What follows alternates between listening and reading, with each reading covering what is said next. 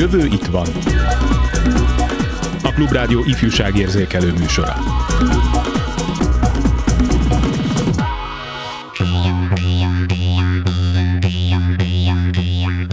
Ha egy gyerek gyakorta hisztis, agresszív, önsértő vagy csak egyszerűen furcsán viselkedik, az a legtöbb esetben valamilyen krízis helyzetre utal, ami megnehezíti a gyermek szocializációját, egyáltalán mindennapi működését. Hogyan tudunk segíteni, és hogyan ne segítsünk, erről szól mai műsorunk.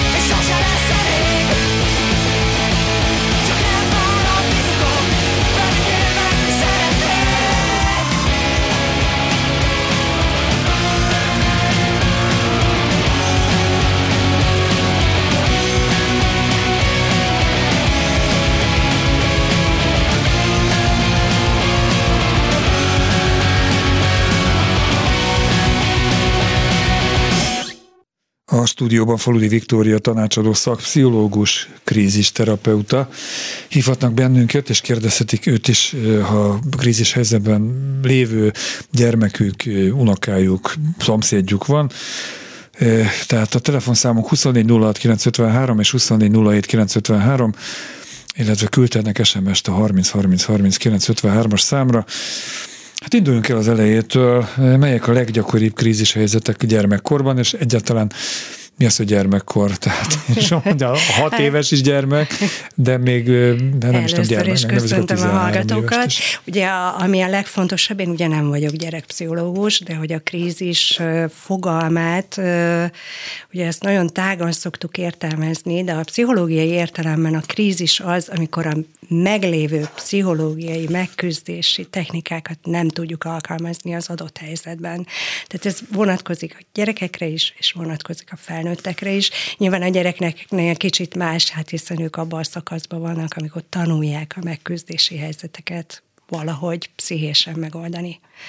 Mi a gyerekkor? Ez hát, volt a másik hogy ez, Igen, mert hogy mondok egy problémát, nyilván egészen máshogy reagál rá egy 8 éves, és máshogy reagál egy 14 éves. De más, más is a krízis nyilván. az ő szempontjából, tehát hogy más helyzeteket hívunk krízisnek abban Nézd, az időben. Idők, akkor menjünk kronológiai sorrendbe, a kisebbeknél induljunk, kezdjünk, kisiskolás. Ja, értem, értem. Tehát, hogy mik lehetnek a krízis helyzetek? Hát például eleve az iskolában menés, tehát, hogy az már egy krízis helyzet. Minden nap, vagy amikor először iskolában megy a gyerek. Valószínűleg nagyon sok esetben minden nap, de hogy amikor eljön az életkor, hogy valaki iskolába menjen, hogy ez nem ugyanolyan, mint az előző évben az óvoda.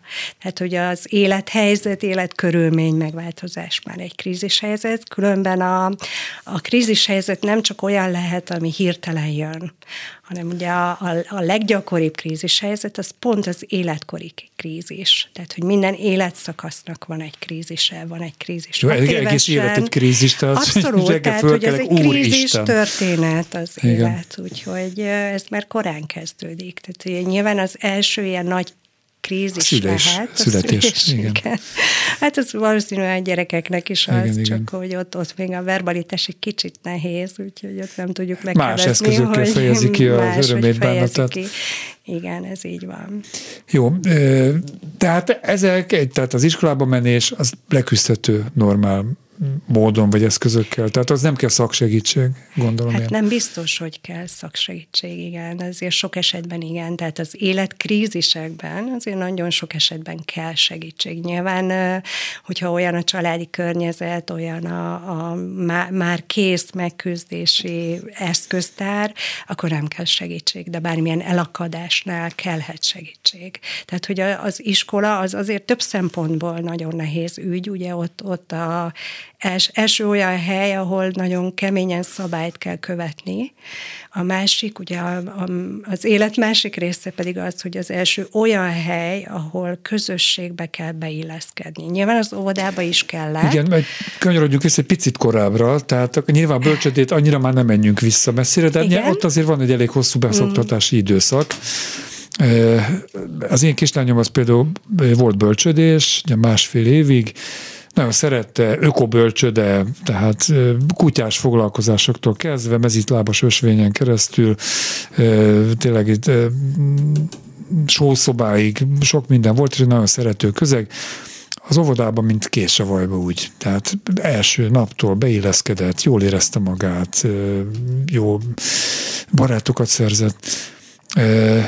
Viszont aki például nem volt bölcsödés, annak az óvodában volt, hogy fél évig már szobatiszta volt, újra bepisilt, nagyon nehéz volt beilleszteni a, a szülőknek. Tehát azért az is egy nagyon jellegzetes krízishelyzet, vagy szituáció, vagy váltás, inkább ezt mondom. Nem annyira kötött, mint az iskola, de azért a bölcsödéhez képest mégiscsak hát vannak itt szabályok. Nagyon-nagyon nehéz a, ugye a pszichológiában mindig az, az a nehéz, amit nem tudunk nagyon jól kezelni mi pszichológusok se, hogy általánosságban nagyon nehéz beszélni miközben mi ugye egyénekkel foglalkozunk. Persze vannak általános törvényszerűségek, ezt most csak arra mondom, hogy ott, hogyha valaki nem járt bölcsibe és elmegy óvodába, nem feltétlenül az a baj, hogy nem járt bölcsibe, hanem ott valami más is történik. Tehát, hogy ott, ott, ott mindenféle történik. Ugye a gyerek születik egy habitussal, amire aztán jönnek a szülők a ráneveléssel. Tehát, hogy ahogy alakítjuk, azért az egy nagyon fontos, de ne felejtsük el azt is, hogy, hogy minden más, minden gyerek más habitussal, vagy más temperamentummal születik, és ezért más eszközökre is lesz szüksége a megküzdéshez az életben. Az abszurdum az, hogyha egy anyuka vagy éppen apuka nagyon majom szeretettel csünk a gyerekén, vagy a gyerek rajta, és így jutunk el az óvodáig, vagy éppen az iskoláig, akkor ez nehezíti a leválást és az ottani beszokást, nem? Hát például igen, ilyen nagyon egyszerűen fogalmazva, igen. Hát de hogy nyilván, nem, nem úgy értem, hanem hogy, hogy a, a dolgok, és ez a szép a pszichológiában, sosem egy dologtól függnek. Tehát, hogy ahogy szépen szoktuk mondani, multikauzálisak a dolgok, tehát, hogy nem csak a biológiai háttértől, nem csak a genetikától, nem csak a szociális környezettől, nem csak a pszichés környezettől, hanem ezektől így mind függ valami. Tehát, hogy egy icipici tényezőt megváltoztatunk a Matrixban, már valami eltérő lesz. Ugye a pszichológia tudománya nagyon szereti pont ezért az iker kísérleteket, akik mondjuk más családban nő fel az ikerpár egyik tagja és a másik tagja. Nyilván viszonylag kevés ennek a mintája, de hogy azért abban bizonyos következtetéseket le tudunk vonni, hogy mennyire volt ez biológiailag determinálta, vagy a nevelés és a különböző hatások. Maradjunk az iskolánál, tehát az iskolába lépés időszakában melyek azok a jelek, amelyekből mondjuk a pedagógusnak, vagy akár éppen a szülőnek érdemes elgondolkoznia, hogy itt valami nem a normál keretek között működik, a gyerek olyan viselkedés mintát mutat, ami, mm. ami valami komolyabb problémára enged következtetni. Hát az első ilyen nagyon-nagyon, tehát így számtalan tünetet fel tudnék sorolni, de hogy egy kisgyereknél az, hogyha egyik napról a másikra valami megváltozik. Ugye ezt az embereknél is, vagy az embereknél, bocsánat, a felnőtteknél, a felnőtt embereknél is szoktuk kérdezni, hogy, hogy mi, mi változott és mikortól. Tehát fogyáshízás, általában az ilyen nagyon életfontosságú funkciókban, ha tünetek jelentkeznek be, székletvisszatartás, alvás, evés, a hangulat, tehát hogy ez mind-mind beszédes jel, hogy egy, egy gyerek, ahogy az előbb is mondtad, hogy elkezd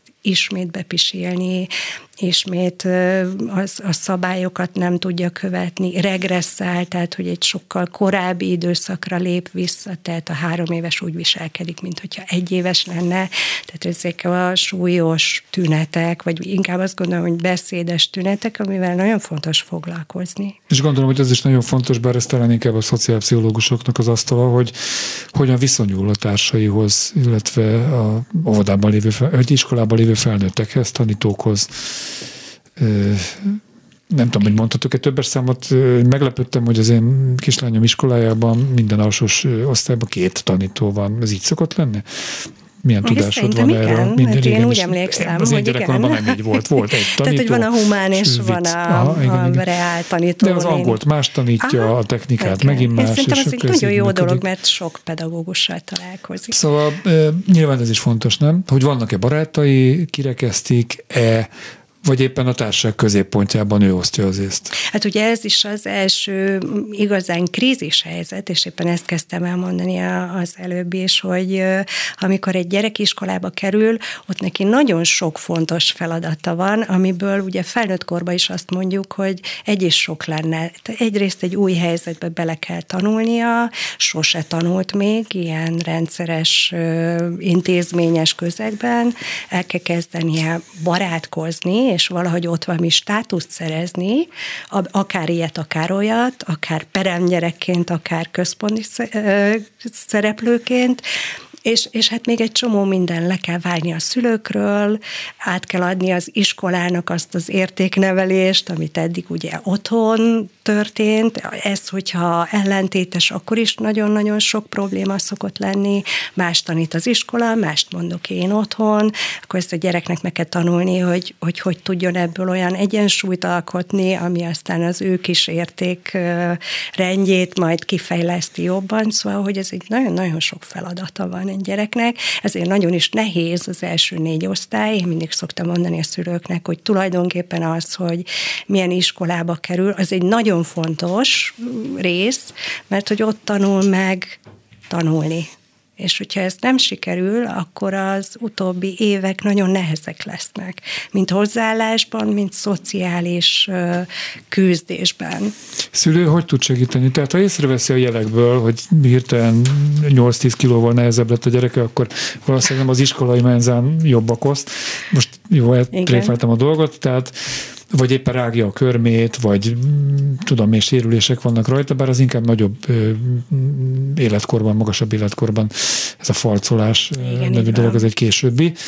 Szóval, hogy furcsában máshogy viselkedik a gyerek, akkor mi a célra vezető, hogyan beszélgessen el vele ezekről a gondokról? Hát ugye, amit mondasz, az a legfontosabb, beszélgessen. Tehát, hogy, hogy ha olyan a viszony a szülő és a gyerek között, akkor itt azért elég hamar kiderül, lehet olvasni a gyerek mondatai között is, de lehet olvasni a mondataiban is. Tehát, hogy olyankor általában az szokott elcsúszni, hogy a szülő nem mer, hogy kérdezni, nem mer, hogy viszonyulni, nem mer rákérdezni, hogy mi a gond, miközben a gyerekek azért elég beszédesek ebben, tehát hogy, hogy vagy az álmokat elmesélik, elmeséli, hogy ha állandóan felmerül egy név, hogy Pistike, így meg úgy, akkor ott is biztos van valami nehézség.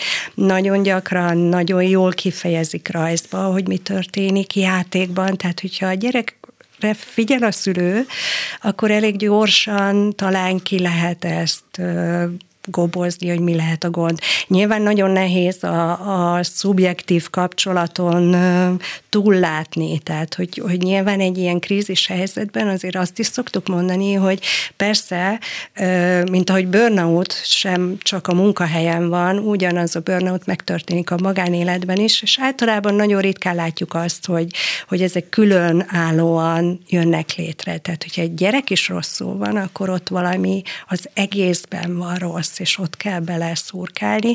Nyilván nagyon nehéz abban rálátni, hogy az ember mit csinál rosszul a saját gyerekével.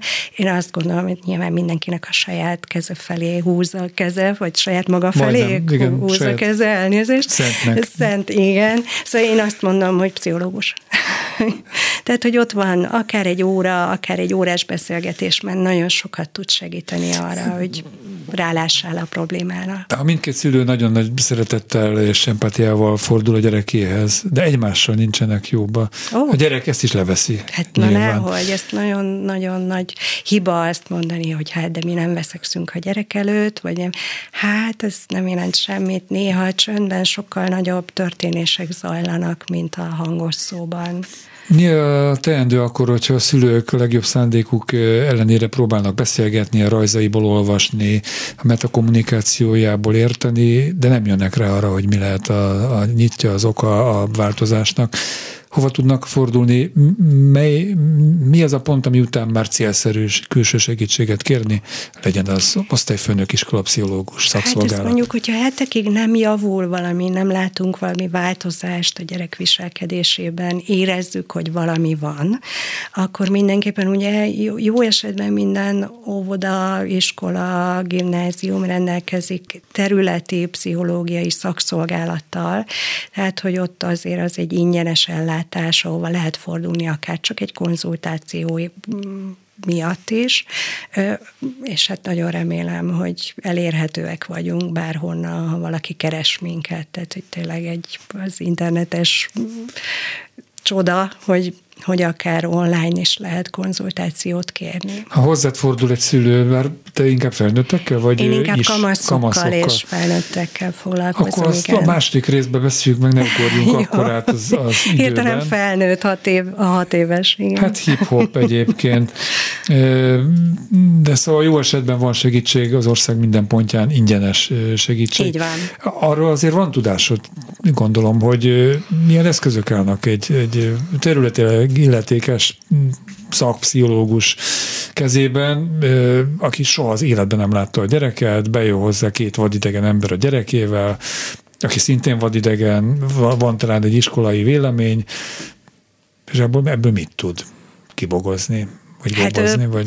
A szakember sok mindent, de nyilván ennek vannak lépései, hogy hogy zajlik akár egy ilyen terápia indító kezelés, akár hogy zajlik egy konzultáció, nyilván ott sok mindent meg kell ismerni, természetesen először a szülővel van bármilyen kommunikáció, vagy bármilyen találkozás, és aztán következik a gyerek. Nagyon sokszor nem is kell a gyerek hozzá. Igazából felteszem azért, hogy ha kisgyerekről eddig róluk beszélgettünk, van szó, akkor itt is azért a játékos jelleg, tehát nem direkt vallatás, vagy Ja, hát persze, hát nagyon vagy... sok rajz, nagyon sok játék, játék közben aztán nagyon, az a, ha kialakul az a bizalmi helyzet, akkor természetesen ez kiderül, hogy mi is a gond, és hogy ezt hogy tudjuk átformálni. Azért az is egy elég gyakori helyzet, hogy egészen máshogy viselkedik a gyerek az iskolában, és máshogy viselkedik odahaza.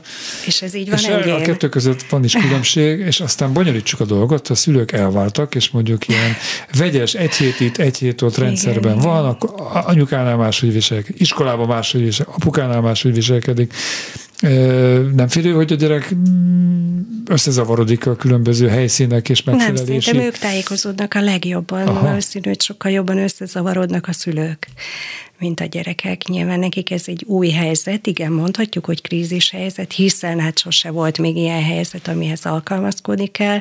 Nagyon sok jellegzetesség kialakulhat nyilván egy elvált szülői nevelésnél. Nagyon sok olyan dolog van, amit meg figyelhetünk egy gyereknél, megtanulja, hogy hol mit lehet mondani, hogy lezár, hogy nem mondja el, hogy mi volt az egyik helyen, a másik helyen.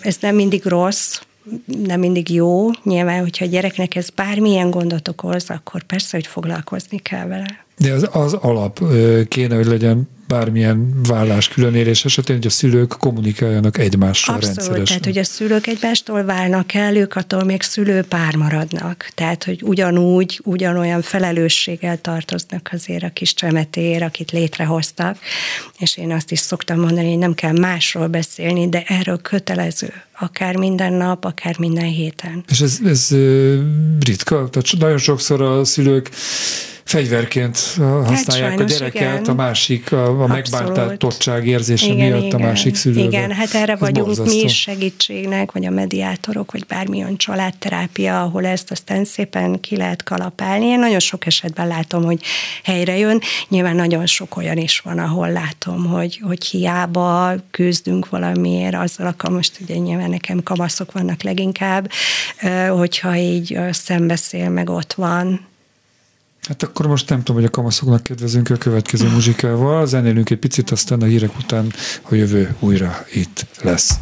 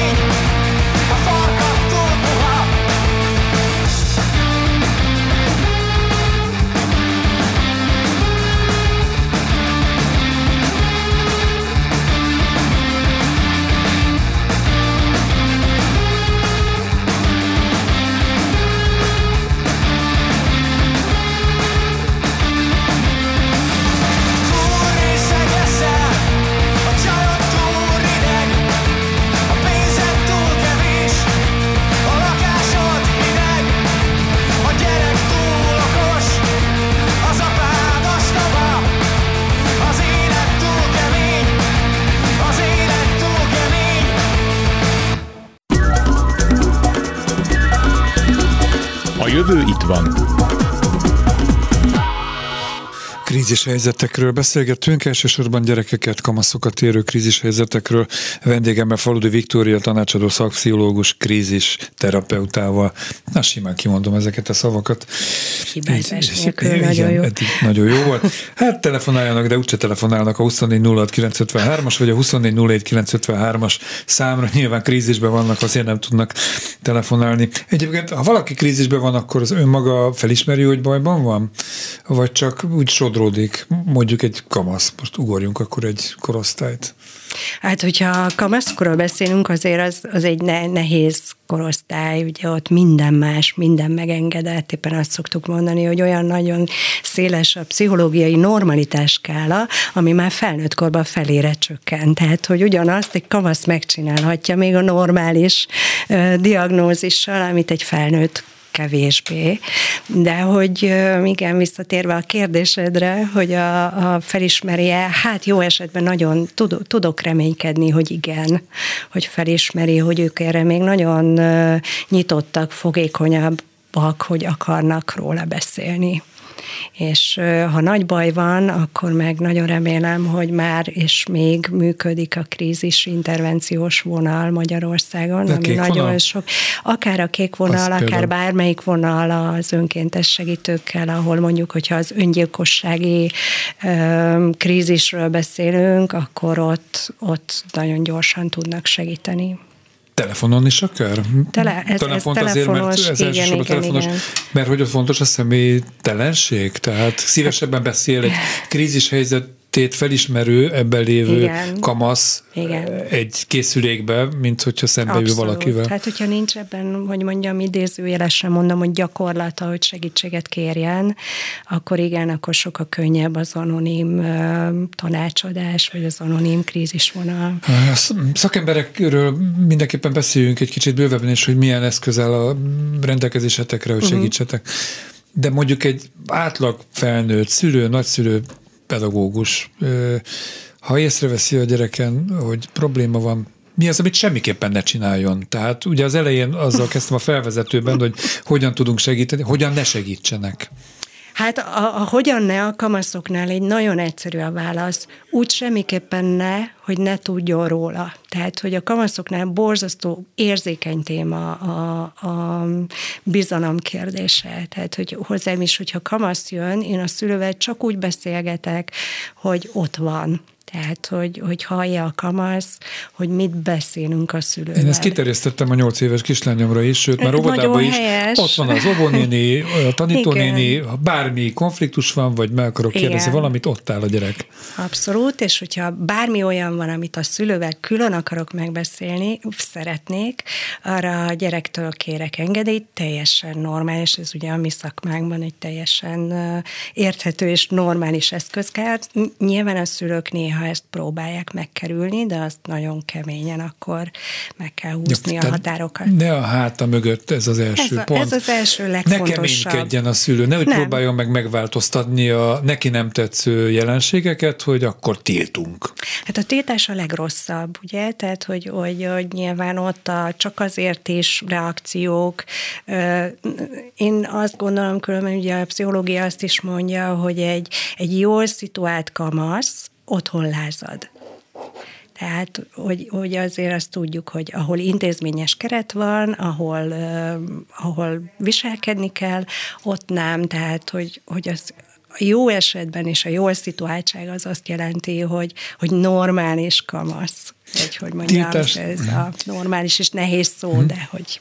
Igen, tiltásnál véleményem szerint, vagy vélemem szerint van két rosszabb felnőtti reakció a kamasz gyerek problémáira, lehet, hogy több is, most ugye arckifejezésedből ítélve. De nagyon sok van, De mondjuk igen. a büntetés kilátásba helyezése, vagy alkalmazása, mm vagy talán legalább ilyen súlyú lehet a kamasz problémájának a bagatelizálása. Hát vagy a ki, ugye ismét a, a, az intimitásról beszélünk, vagy a kibeszélése. Tehát, hogy ugye ez, hogy hazajön a fiú, és rögtön az összes rokon neki esik, hogy csajozott-e, hát ez a legrosszabb, mert ugye pont abban a korban van, amikor ez nagyon fontos ennek a határainak a meghúzása. Igen, nagyon rossz ötlet kiadni, megszégyeníteni, az mindig nagyon rossz ötlet egy kamaszt. De azért azért a szülőtől nem várható el, hogy adott esetben, vagy elvárható? Tehát, hogy egy nem. kortárs szülővel, akivel jóban van, vagy a legjobb barátom, hasonló korú a gyerekünk, vele se beszéltem meg egy sör fölött, hogy de az én srácom, nekem nincs srácom mondjuk, az én lányommal ez van, voltál-e hasonló helyzetben, tehát ahhoz is kérjek engedélyt a problémás kamasz gyerekemtől? Nyilván ez már az elsőséges túlzás, én azt gondolom, hogy persze a barátaiddal megoszthatod, ez így nagyon jó dolog. Nyilván azt ott, ott tudnod kell, hogy, hogy és azt gondolom, hogy egy kamasz szülőnek lenni borzasztó nehéz. Én mindig mondom a szülőknek, hogy nekem jó, mert 5 perc, 50 perc után becsukják az ajtót és elmennek, de náluk ott van 24 órán keresztül. Tehát, hogy ez egy nagyon nehéz alkalmazkodni egy kamaszhoz. Én azt mondom, hogy persze, hogy meg lehet beszélni nélküle is. Én azt mondom, hogy az a nagyon nehéz, vagy az a nagyon rossz szituáció, amikor előtte történik ez a megszégyenítő bármilyen megjegyzés, csak viccből, csak nagyon érzékenyek rá, úgyhogy ez nem jó. Tehát az is rossz lehet azért, hogyha mögötte történik, de utóbb megtudja. Tehát... Az is nagyon. Azért mondom, a titok általában rossz. Tehát, hogy, hogy a határok áthágása az nagyon rossz, bár, bármilyen értelemben egy gyereknél, de ugye mindig azt gondoljuk, hogy az még kicsi, az úgyse érti, az még kamasz, majd úgy is érti a viccet, a kamaszok nehezen értik a viccet, pláne ha róluk van szó és nem nálam szocializálódtak. hát igen. Na, de azért egy kicsit menjünk bele ebbe a, a kamasz problémának a problémájának a a partikulációs bázison, a bagatelizálása. Hát, ugye majd megszeretsz mást, mondjuk, ha egy szerelmi igen, igen. csalódásról van szó. Nekem nem... is annyi csajom volt, mm. stb. stb. Nekem most nagyon frissek az élményeim, mert ugye a hozzám járó érettségizendő kamaszokkal most nagyon intenzíven Mesélj. foglalkozom, mesélek, és annyira helyesek, ugye az, az a mondat, hogy á, az érettség is semmi, az ugye ez nem egy kellemes mondat, mert tudjuk mi is, én is tudom, borzasztó nehéz volt megélni az érettségit. Hogy Most már, hogy túl vagyok mindenféle államvizsgán más helyzeten, azt gondolom, hogy igen, talán az érettsége volt a legkönnyebb az életemben, de mégiscsak az az első olyan meg, megmérettetés, amit azt gondolom, hogy jó, ha komolyan veszünk. Az is jó, hogyha ő komolyan veszi, és az is jó, ha mi komolyan veszük, hogy igen, próbált ki kisfiam, kislányom, majd utána megbeszéljük, hogy ez milyen nehézség volt, vagy nem volt nehézség. De ez egy fontos lépés, tehát ne neki ez egy teljesen új szituáció, és hogy ezt mindig meg kell érteni, hogy, hogy nem okoskodhatunk abban, mert neki végig kell élnie azokat a szituációkat, amiket mi már ismerünk, és tudnánk, hogy hogy kell megoldani, de hát ugye ez a szép régi mondás, hogy mindenki a saját hibájából tanul, ezt nem szabad elvenni egy kamasztól sem. Te csinálja. Csinálja rosszul, csak csinálja.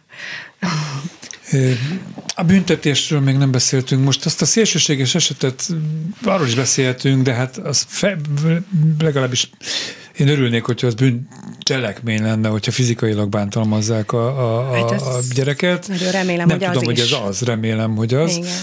Ennek majd utána nézek, de hogy ilyen, amiről már részben szó volt, különböző tevékenységek tiltása, valamilyen jutalmak megvonása, nem mehetsz edzésre, hogyha uh-huh. kezdetű mondatokra gondolok.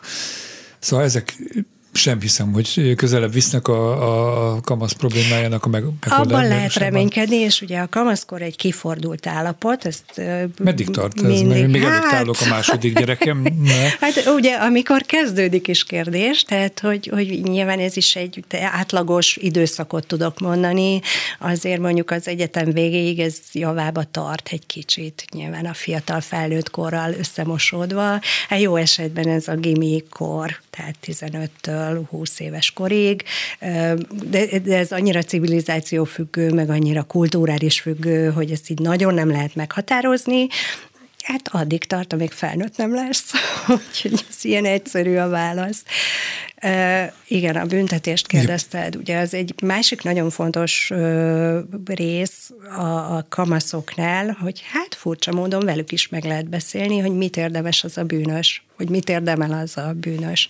Tehát, hogy eleve le lehet fektetni azokat, hogyha azokat a szabályokat, amiket így együtt meghatározunk, a kamasz meg én, mint szülő, hogy mi van akkor, ha áthágja. Szerinte mit érdemel az a bűnös, és akkor ezekben meg lehet alkudni.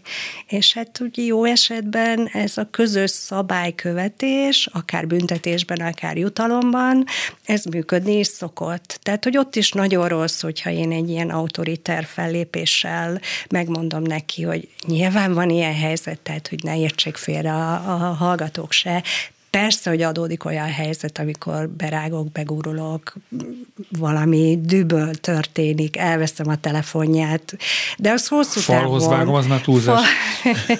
Fa... hát igen, de jó esetben csak a telefont. Szóval, hogy, hogy ott, ott az egy fontos dolog, hogy, hogy mit ér mit, mit gondol erről a kamasz, erről a büntetés jutalom kérdésről, és nagyon sok esetben meg lehet velük beszélni, hogy ők mit hajlandók olyankor tenni, hogyha őt bűnt követtek el, tényleg nagyon idézőjelben Hát akkor először is azt kéne tisztázni közösen, hogy mi a bűn.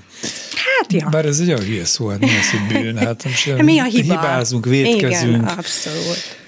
Lehet, hogy nagyon triviális a kérdés, meg a választ is sejtem, és a lányok vagy a fiúk problémásabbak a kamaszkorban, vagy máshogy azok? Máshogy azok, tehát Aha. nincs ilyen, hogy mint ahogy nincs nagyobb krízis, kisebb krízis, ugyanolyan krízis van, a megélt krízis a fontos. Tehát, hogy lányok, fiúk egyaránt ki, ki hogy lázad, de hát az egy jó dolog, hogy az ember lázad. Az, muszáj az neki. Szuper. Csak ne ellenem. A, hogy lázadjunk együtt a gyerekkel. Az autoriter eszközök részben utaltál rá, van, hogy megengedettek? Tehát, hogyha tényleg a gyerek biztonságáról, életéről drog probléma lép fel, tehát, hogy akkor abból a társágból eltiltom, vagy nem engedem, vagy most csak így vagdalkozom ezekkel a kérdésekkel. Hát igen, ugye ezek nagyon összetett és nehéz igen. kérdések, mert megint mondod a drog problémát, ott is vannak, tehát hogy jóval enyhébb, vagy ilyen nagyon... Jó, a füves cigi körbe megy, az egy más megítélés. Hát, nem, nem feltétlenül a, a drognak a keménysége a, a fontos ezekben a kérdésekben. Megengedett nyilván, ha az életveszélyről van szó, az ugyanakkor a pszichológus etikában is benne van, hogy amint élet van veszélyben, ott, ott át lehet lépni a határokat, ott én hívhatom a mentőt, ott én, tehát hogy kötelező, hiszen életről van szó, tehát hogy ott azért a titoktartás egy kicsit meglazul, de ugyanezt gondolom a szülőknél is, hogy hát vannak olyan helyzetek, amikor persze akkor lehet, hogy ott értem, hogy éppen nem tudom, mi történik, de aztán utána ezt valahogy meg kell változtatni. Muzsikálunk egy picit, hogy emesszék a elhangzottakat, vagy éppen megfogalmazzák a kérdéseket, amit majd betelefonálva elmondanak nekünk. Tehát azt kérem Csorba Laci kollégától, hogy egy picit rövidebb zenék közül válaszol most valamit, és akkor utána még visszajövünk egy pár percre Faludi Viktóriával.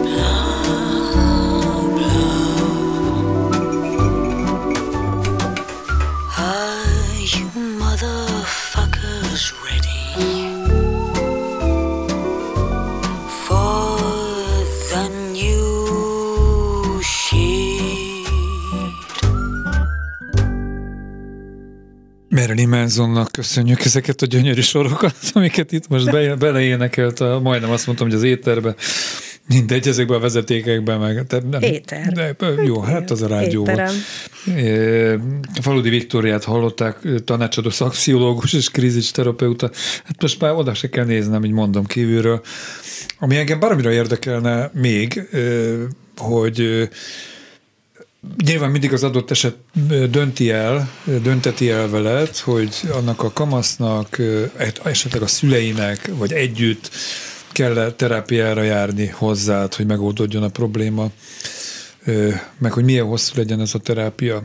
Tehát ez, erre nincsen recept. Abszolút nincs. Mennyire együttműködőek általában a szülők? Ez mitől függ?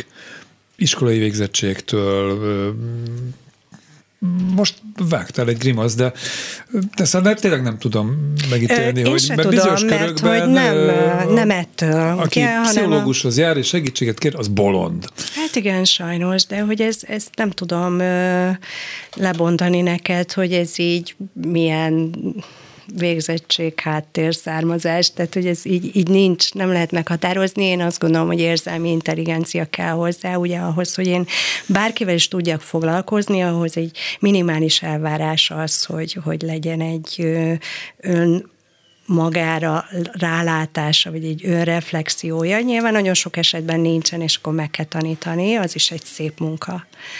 De hogy én, én nekem azt gondolom, hogy tehát nyilván szerencsém van, hogy olyanokkal dolgozhatok együtt. Nyilván ez nem szerencse, hanem hozzájárul az is, hogy ki tud ott maradni nálam, meg kifordul hozzám. Tehát, hogy ez már egy szűrt populáció, hogy ki az, aki elmegy pszichológushoz, és, és nem csak akkor, amikor hatalmas nagy baj van.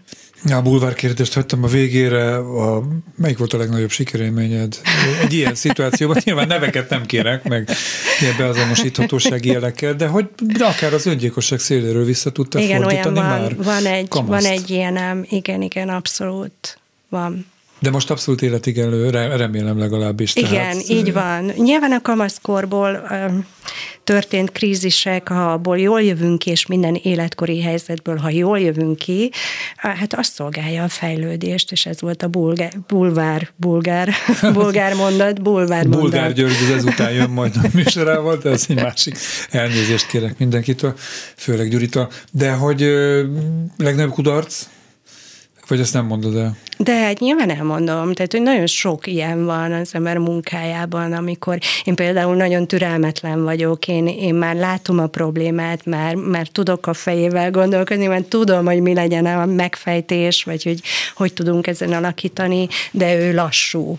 Tehát, hogy, hogy olyankor nekem is nagyon nagy türelmet kell gyakorolnom. Tehát persze, hogy vannak kudarc élményeim, többségében. Ugye azért nem tudom végigkövetni azokat, mert hogy olyankor, vagy az történik, hogy átállít, át irányítom máshoz, mert hogy én már nem tudok többet tenni, ismerem a határaimat, tudom, hogy mi, mi a, a szakmai hozzáértésem, az is sokszor kudarc élmény, meg az is, hogyha ő magától valahogy elkopik, és én még tudom, hogy dolgoznunk kéne még dolgokon. Lehet ott tenni a 45 vagy 50 perc után, vagy nem tudom milyen hosszú egy ilyen terápiás beszélgetés, lehet ott tenni a, a, a, azt, ami ért, értéged töményen, nagyon komoly, súlyos, egyéni, személyes, vagy éppen társadalmi problémák, görcsök, krízishelyzetek, Nem. vagy viszel haza belőle? Nem, mert mindig van egy-két olyan, és persze az, az aktív krízis az ilyen, tehát hogy, hogy az egy kicsit más, mint a pszichoterápia, pont azért, mert hogy, hogy megengedőbbek a határok, tehát hogy aki krízisben van, annak rám szüksége van, tehát hogy, hogy olyankor egy kicsit azokat a határokat, amik amúgy is ö, tartani kell, egy picit meg lehet bontani, tehát hogyha pánikroham van, engem fel lehet hívni, ha jelezni lehet, ha baj van, inkább nekem szóljon kamaszként is, hogy baj van. De nincs mint ezzel hogy... visszaélés? Most nem rossz értelemben, Öm, hanem hogy ilyen piszticsári mindig- problémák miatt hívogatnak Ne, a- éjjel kettőkor. Olyan, olyan nem történik meg. Aha. Nem, azt gondolom, hogy annak tudom felajánlani, aki nem él vissza vele. Lehet vele élni, és, és több esetben nem élnek vele, mert hogy annyi muníciót kap egy hétre, hogy nem kellek hétközben. És gondolom, hogy a mosolyodból, meg amennyire megismerlek, most így a másik alkalommal beszélgettünk, szereted a munkádat, vagy a hivatásodat, tehát Nagyon. legalább annyi feltöltődést is kapsz. Abszolút, nagyon, pláne a kamaszoktól imádok velük dolgozni, úgyhogy tőlük mindig sokat kapok. Remélem, hogy ebből át tudtunk adni valamit a hallgatóknak. Faludi Viktória tanácsadó szakpszichológust, krízis terapeutát hallották. Eh, A műsor elkészítésében részt vett Balogh Kármen, Csorba László, Göcé Zsuzsa, a szerkesztőt, Bencsik Gyulát hallották, egy hét múlva pedig a jövő újra itt lesz.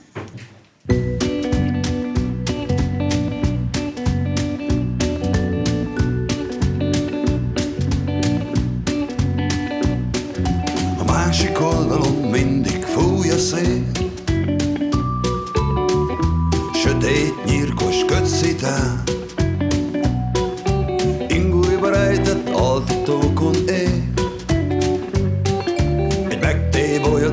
világtalan király Mesébe illő szereplők. Egyenként káron ladikján Retúrjegyekkel farzsebükben. Integetnek, hogy milyen kár. Hogy itt maradtál. Vigyél el innen kicsi eső Vigyél messze innen el. A mögöttem ácsorgó idő. Ha a szemeivel játszik egy teddibe Kómában fekvő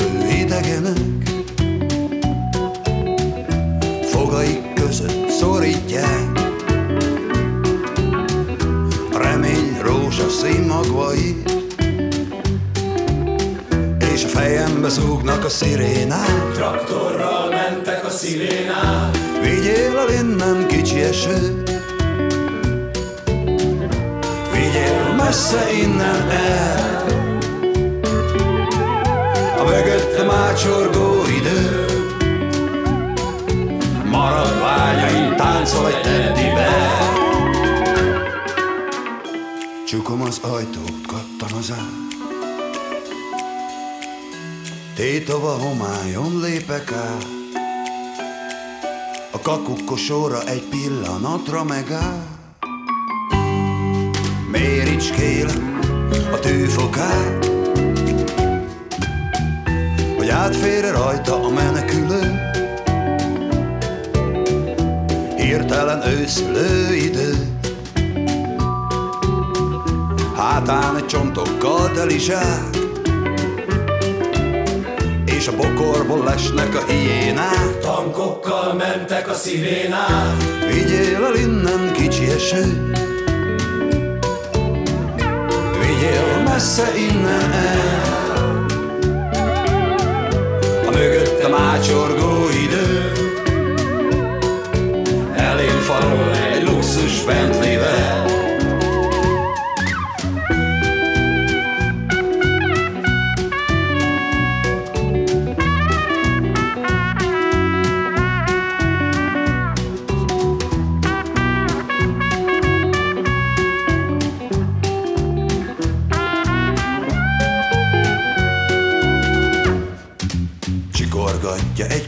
koldus a fogsorát.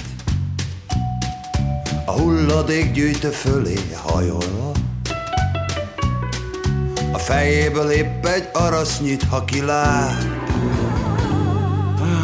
Bezárt a magyar királyi tébolydal